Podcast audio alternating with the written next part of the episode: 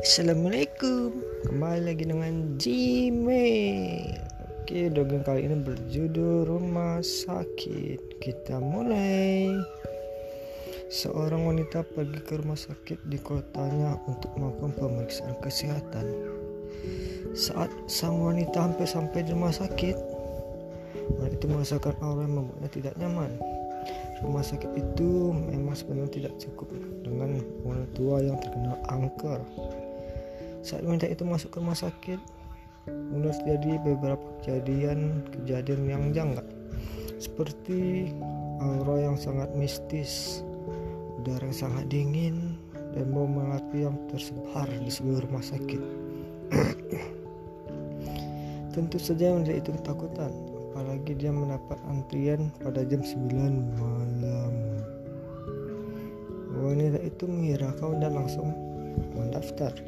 Di dalam rumah sakit, ia melihat pasien-pasien berwajah pucat yang ditemani oleh para pasien dan wajah yang pucat-pucatnya. Apa maksud? Karena wanita itu ketakutan, dia langsung lari ke lift menuju ruangan tempat pemeriksaannya. Akan berlangsung lantai rumah sakit itu kotor. Peralatan yang tidak terawat membuat suasana semakin mencekam. Saat itu selesai melakukan pemeriksaan, wajah semakin ketakutan karena ternyata rumah sakit itu tidak seramai seperti awal ia masuk.